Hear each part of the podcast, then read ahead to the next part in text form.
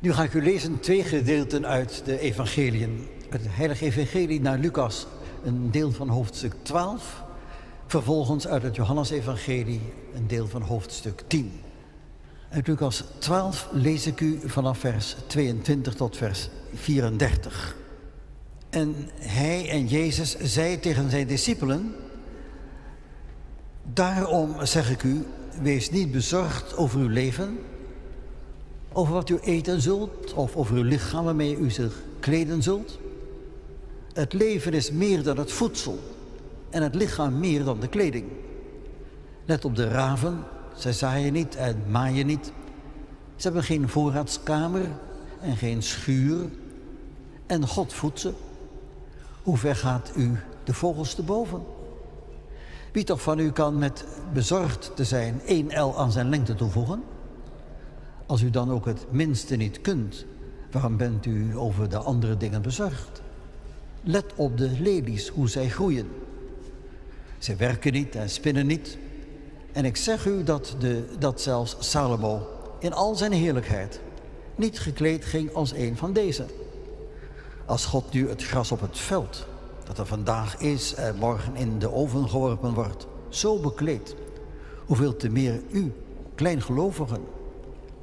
En u vraagt niet wat u eten of wat u drinken zult, en wees niet verontrust, want na al deze dingen zoeken de volken van de wereld. Uw vader echter weet dat u deze dingen nodig hebt. Maar zoek het koninkrijk van God.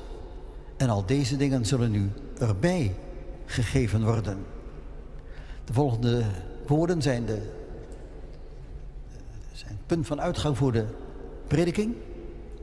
Wees niet bevreesd, kleine kudde, want het heeft uw vader behaagd u het koninkrijk te geven. Verkoop uw bezittingen en geef de opbrengst weg als liefdegave. Maak voor uzelf beurzen die niet verslijten, een schat die niet opraakt in de hemelen, waar de dief niet bijkomt en die door de mot niet aangetast wordt. Want waar uw schat is, daar zal ook uw hart zijn. Tot zover de eerste lezing. Uit het Heilige Evangelie naar Johannes lees ik uit het tiende hoofdstuk, de versen 11 tot 18. Waar Jezus zegt, ik ben de goede herder. De goede herder geeft zijn leven voor de schapen.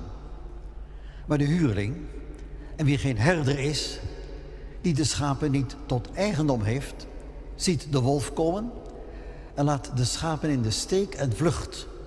En de wolf grijpt ze en drijft de schapen uiteen. En de huurling vlucht, omdat hij een huurling is en zich niet om de schapen bekommert. Ik ben de goede herder en ik ken de mijnen en word door de mijnen gekend. Zoals de Vader mij kent en ik de Vader ken en ik geef mijn leven voor de schapen.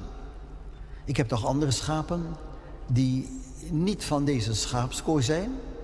Ook die moet ik binnenbrengen en ze zullen mijn stem horen en het zal worden één kudde en één herder. Daarom heeft de Vader mij lief, omdat ik mijn leven geef, om het opnieuw te nemen. Niemand neemt het mij af, maar ik geef het uit mezelf. Ik heb macht het te geven en heb macht het opnieuw te nemen. Dit gebod heb ik van mijn Vader ontvangen. Tot zover de lezing uit de Heilige Schrift. En zalig zijn ze die het woord van God horen en het bewaren. Halleluja.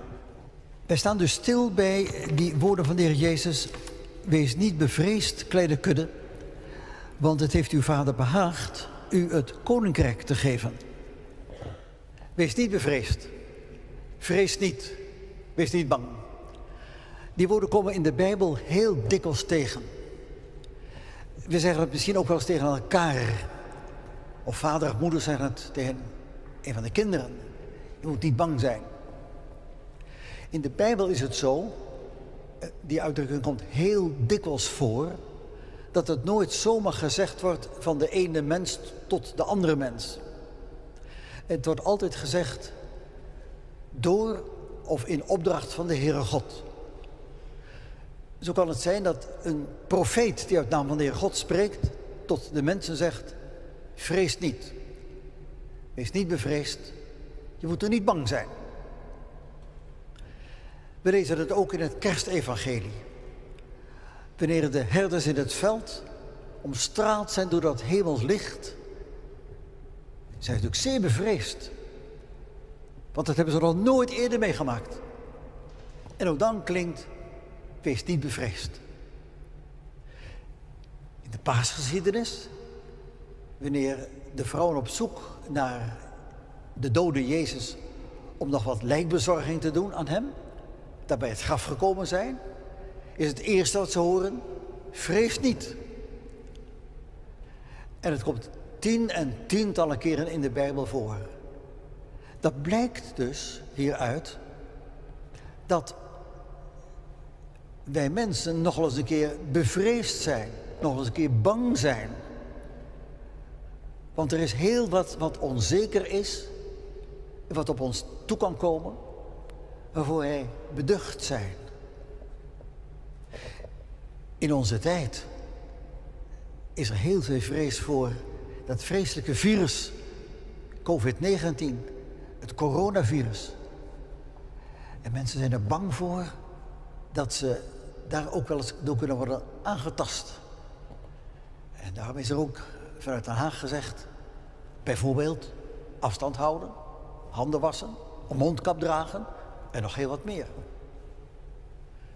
Dat is omdat wij bevreesd zijn dat ook wij wel eens die besmetting zouden kunnen krijgen. Maar er is zoveel meer. Je kunt tegen de dingen opzien omdat ze eigenlijk te groot en te zwaar voor je geworden zijn. Je kunt tegen een examen opzien als je student bent. Tegen het eindexamen, als dat straks komt.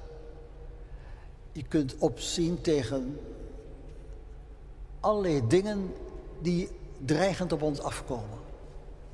En dan klinkt ineens hier in deze woorden van de Heer Jezus ook. Wees niet bevreesd. Het komt vier keer voor in het heilige evangelie naar Lucas. Als het uit de mond van de Heer Jezus komt. Het staat er nog wat vaker, maar uit de mond van de Heer Jezus lezen wij het vier keer in het heilige evangelie naar Lucas. En twee keer in dit hoofdstuk. Wees niet bevreesd. Tegen wie zegt Jezus dit nu? Zomaar in het algemeen? Nee. Nee, niet in het algemeen. Hij spreekt hier ook bepaalde mensen aan. Alsof hij zeggen wil, jullie hoeven niet te vrezen, maar voor anderen geldt het niet. Die hebben best reden om te vrezen en bang te zijn. Wie zijn dat dan? Die dit uit de mond van de Heer Jezus horen? Ze worden hier genoemd een kleine kudde. In de oude de Bijbel staat, een klein kuddeke. Het is een heel klein gezelschap dus. Het wordt dus niet gezegd tegen heel Israël, waar de Jezus gekomen is als de Messias. Het wordt niet tegen een grote menigte van mensen gezegd, maar een kleine kring die op dat moment bij hem is. En naar hem luistert, die door zijn woorden en daden al eerder getroffen zijn. Kijk, de grote massa's die op Jezus afkwamen, kwamen eigenlijk alleen maar naar hem toe om iets, iets bijzonders van hem te horen. Of iets bijzonders van hem te ontvangen. Daar kwamen ze met hun ziekte. Er werd een blinde mens, een blind mens werd er geleid aan de hand door iemand anders. En de vraag kwam bij Jezus, wilt u nu deze blinde, deze blinde man of vrouw genezen? Of iemand was verlamd. Kon Jezus hem genezen? Of haar? Ja. Maar dan ging men ook weer weg als men iets van Jezus ontvangen had. Het ging dus eigenlijk om het cadeautje, maar niet om degene die het cadeau gaf. Men was niet voor Jezus. Zelfs de leidinggevenden haten Jezus. De tempelaristocratie, de priesters, de schriftgeleerden, die moesten niets van Jezus hebben. Ze waren niet onverschillig tegenover hem. Ze haatten hem zelfs. er waren ook mensen die door Jezus waren getroffen. Die door zijn woord waren geraakt. En dat het waren een nieuw mens geworden waren. Herboren waren. Zij zagen in Jezus inderdaad de vervulling van de belofte van God. Zo lang had men immers uitgezien in Israël naar de Messias. Profeten hadden van hem gesproken. Hij zou toch komen? Uit die dorre stronk van Izzy zou toch weer een scheut voortkomen? Was Jezus dat? Ja, zeiden sommigen. Maar het was niet de massa die dat zei. Het was niet heel Israël dat dit zei. Het waren weinigen. Bij elkaar een kleine kudde, zoals Jezus hier zegt. Mensen die geraakt waren door het woord van de Heer Jezus. Tot hen zegt hij, wees niet bevreesd. Je hoeft niet bang te zijn. Ze worden hier dus genoemd in een bepaald verband. Kleine kudde. Het is niet een grote kudde, een grote massa, nee, klein. Een klein kuddeke. En waarom hoeven ze nu niet te vrezen voor de toekomst? Want wanneer wij bevreesd zijn, is er altijd iets wat nog voor ons ligt, dat wel zou kunnen komen. Een ziekte, een onheil, een akelig ongeluk, een probleem dat je niet kunt oplossen. Narigheid in je huwelijk, in je relaties, misschien het verliezen van je werk. Wees niet bevreesd, zegt Jezus. Klein kuddeke. Jullie die door mij zijn aangetroffen, die naar mijn woord horen en daarin steun en hulp en genade vinden. En waarom hoeven ze nu niet bevreesd te zijn? Dat zegt Jezus ook met zoveel woorden erbij.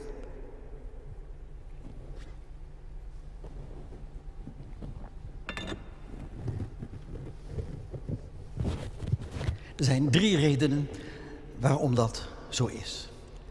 In de eerste plaats zegt Jezus, uw vader heeft een voornemen, heeft een plan.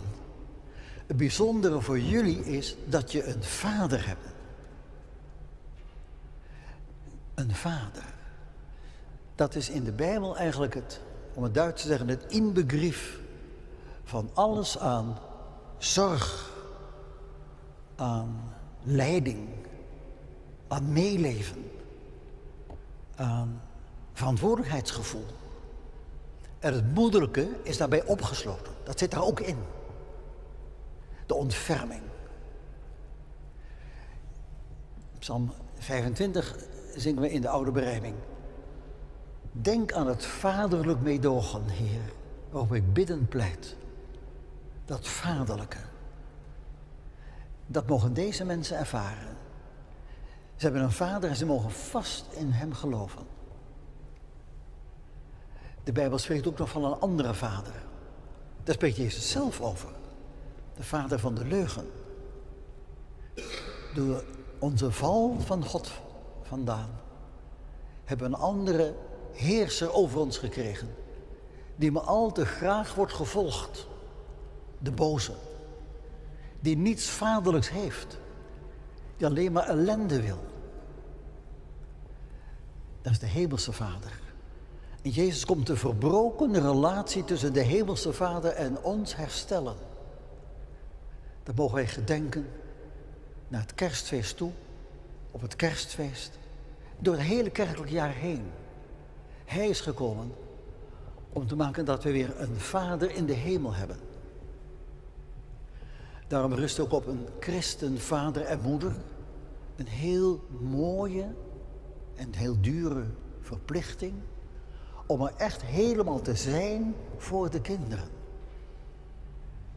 Het is dan ook een heel triest ding wanneer kinderen zonder vader opgroeien. Soms ook zelfs zonder moeder. Of wanneer vader en moeder slecht zijn voor de kinderen. En via de media komen ook die dingen naar ons toe. En misschien kent u daar wel voorbeelden van. Heel triest. Een moeder die aan de drugs is, aan de alcohol verslaafd. Of een vader die zo is. Een vader die zijn gezin in de steek laat. Ja, wat hebben we al niet allemaal gehoord? En misschien hebben sommigen van ons ook wel heel moeilijke dingen meegemaakt van hun ouders.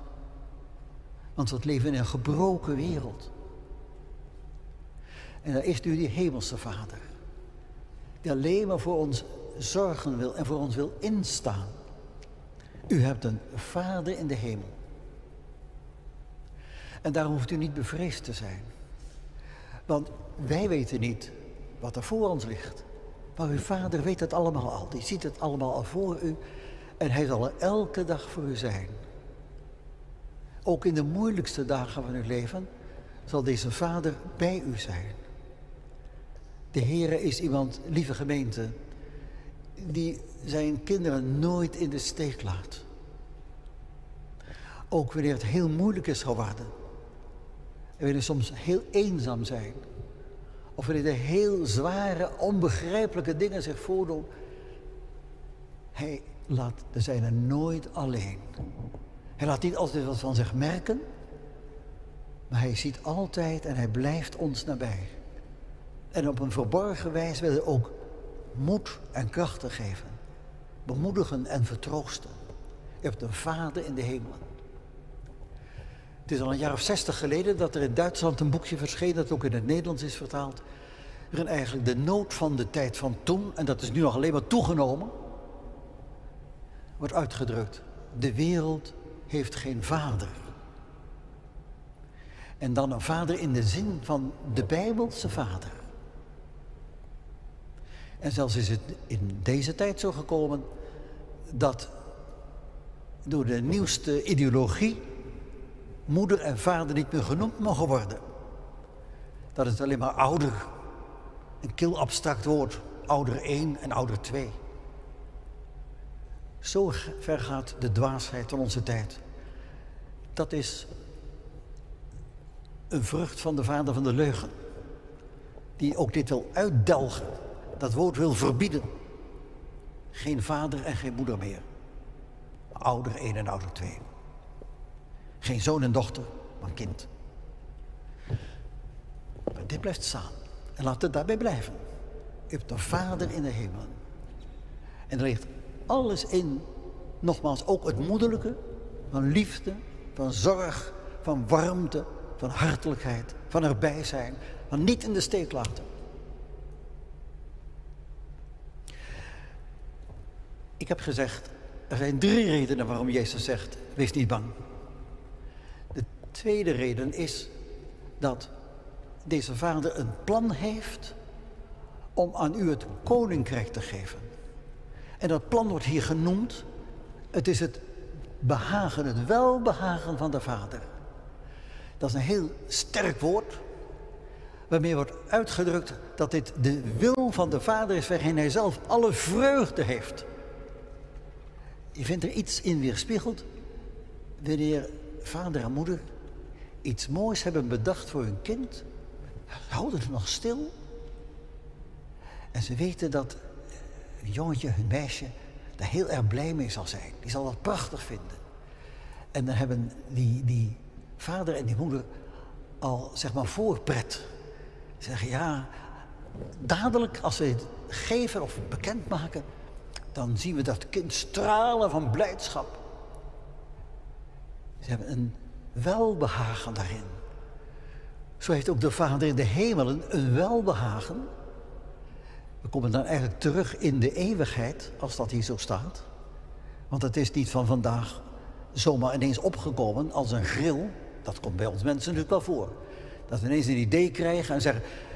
nu willen we voor haar, voor hem, voor het kind van ons... of de kinderen van ons, dit of dat eens doen. Zomaar ineens opgekomen.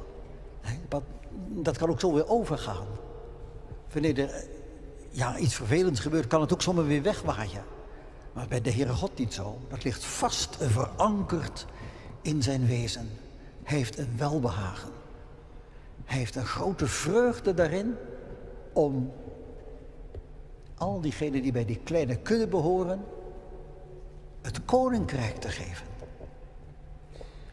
Dus die vader, dat is het eerste wat onze vrees wegneemt. We hebben een vader, die heeft een welbehagen ons het koninkrijk te geven. Het koninkrijk. Dat is de samenvatting van alle heil dat zich in de Bijbel denken laat. Dat is de liefde van God, de vergeving, de verzoening van al onze zonden. Dan zien wij in gedachten Heer Jezus onze zonden dragen naar het kruis van Golgotha. Hij boet voor al het kwaad van ons. Het koninkrijk. Dan zien we Hem daar gaan onder de vloek beladen. Maar Hij is ook de opgestane. Daarom zijn we op zondag bijeen. Hij is de opgestane. Hij verheugen ons. Hij is de opgestane, de levende, die de dood heeft overwonnen. De boos heeft verslagen. Die de vader van de leugen heeft. Ja, nog niet uitgeschakeld. Maar heeft hem wel de genadeslag gegeven. Die kan het nooit meer echt winnen. Hij zal u het koninkrijk geven. Alle heil, alle liefde, alle aandacht, alle zorg zijn volkomen hart. Dat geeft hij aan u, mensenkinderen, uw kleine kudde. We kunnen nog een stap verder gaan. Hier is vertaald het koninkrijk, maar er zijn heel wat uitleggers en bijbelvertalingen die lezen hier koningsmacht. Hij heeft u zich voorgenomen, heeft hij zijn welbehagen in, om u de koningsmacht te geven. Dat zal hier inderdaad bedoeld zijn. Hij maakt u nu zo vergeten en klein en onbeduidend tot koningen. En dan zijn we weer helemaal op het Bijbelse spoor. Want die gedachte wordt ook verder uitgewerkt in de Bijbel. Dat God de zijden maakt tot koningen en priesters. We vinden dat meermalen in het Nieuw Testament. Ook in het bijzonder in het boek Openbaring. Dat is de toekomst dat wij koningen en koninginnen mogen zijn als wij bij de Heer Jezus horen. Dat zongen wij dan ook uit gezang 439 over dat heersen als koningen. En dat is niet ja, een heel kil heersen zoals Machiavelli dat zich, zich voorstelde en aanbeval. Maar dat is in liefde en in waarheid, in vreugde en in vrede met God verkeren. En ja, een geheim is dat toch? We weten niet hoe dat zal zijn als wij nu bij die kleine kudde behoren. Ik zie dat de tijd verder gaat en ik moet dus ook verder. Ik heb je nu twee redenen genoemd waarom wij niet hoeven bang te zijn. We hebben een vader. Als wij in de Heersers geloven. We hebben een geweldige toekomst koninkrijk, het koningschap. Hoe gering dus ook hier, dit is de toekomst voor Gods kinderen. Dan het derde, wat is dat dan? Dat is daarin gelegen dat Jezus zelf dit zegt, die de goede herder is. Hij spreekt van een kudde, dat is hier een aanduiding ook van de gemeenschap van de heiligen. En hij is dezelfde herder ervan. Hij is de goede herder ervan. Die voor deze kleine kudde wereldwijd zijn leven geven zal. Daarom laat hij ook uit Johannes 10. Deze herder is bereid om zijn leven af te leggen voor zijn schapen. Want bij deze kudde wordt niet gedacht aan een verzameling van leeuwen en beren. Jezus spreekt van schapen. Dat is op de achtergrond. En het zijn heel weerloze dieren.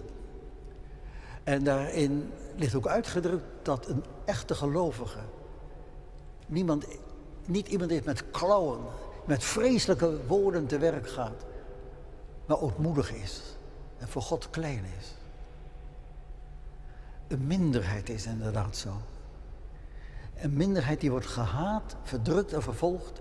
Dat bedenken onze broeders en zusters in die tientallen landen waarvan Open Doors ons vertelt.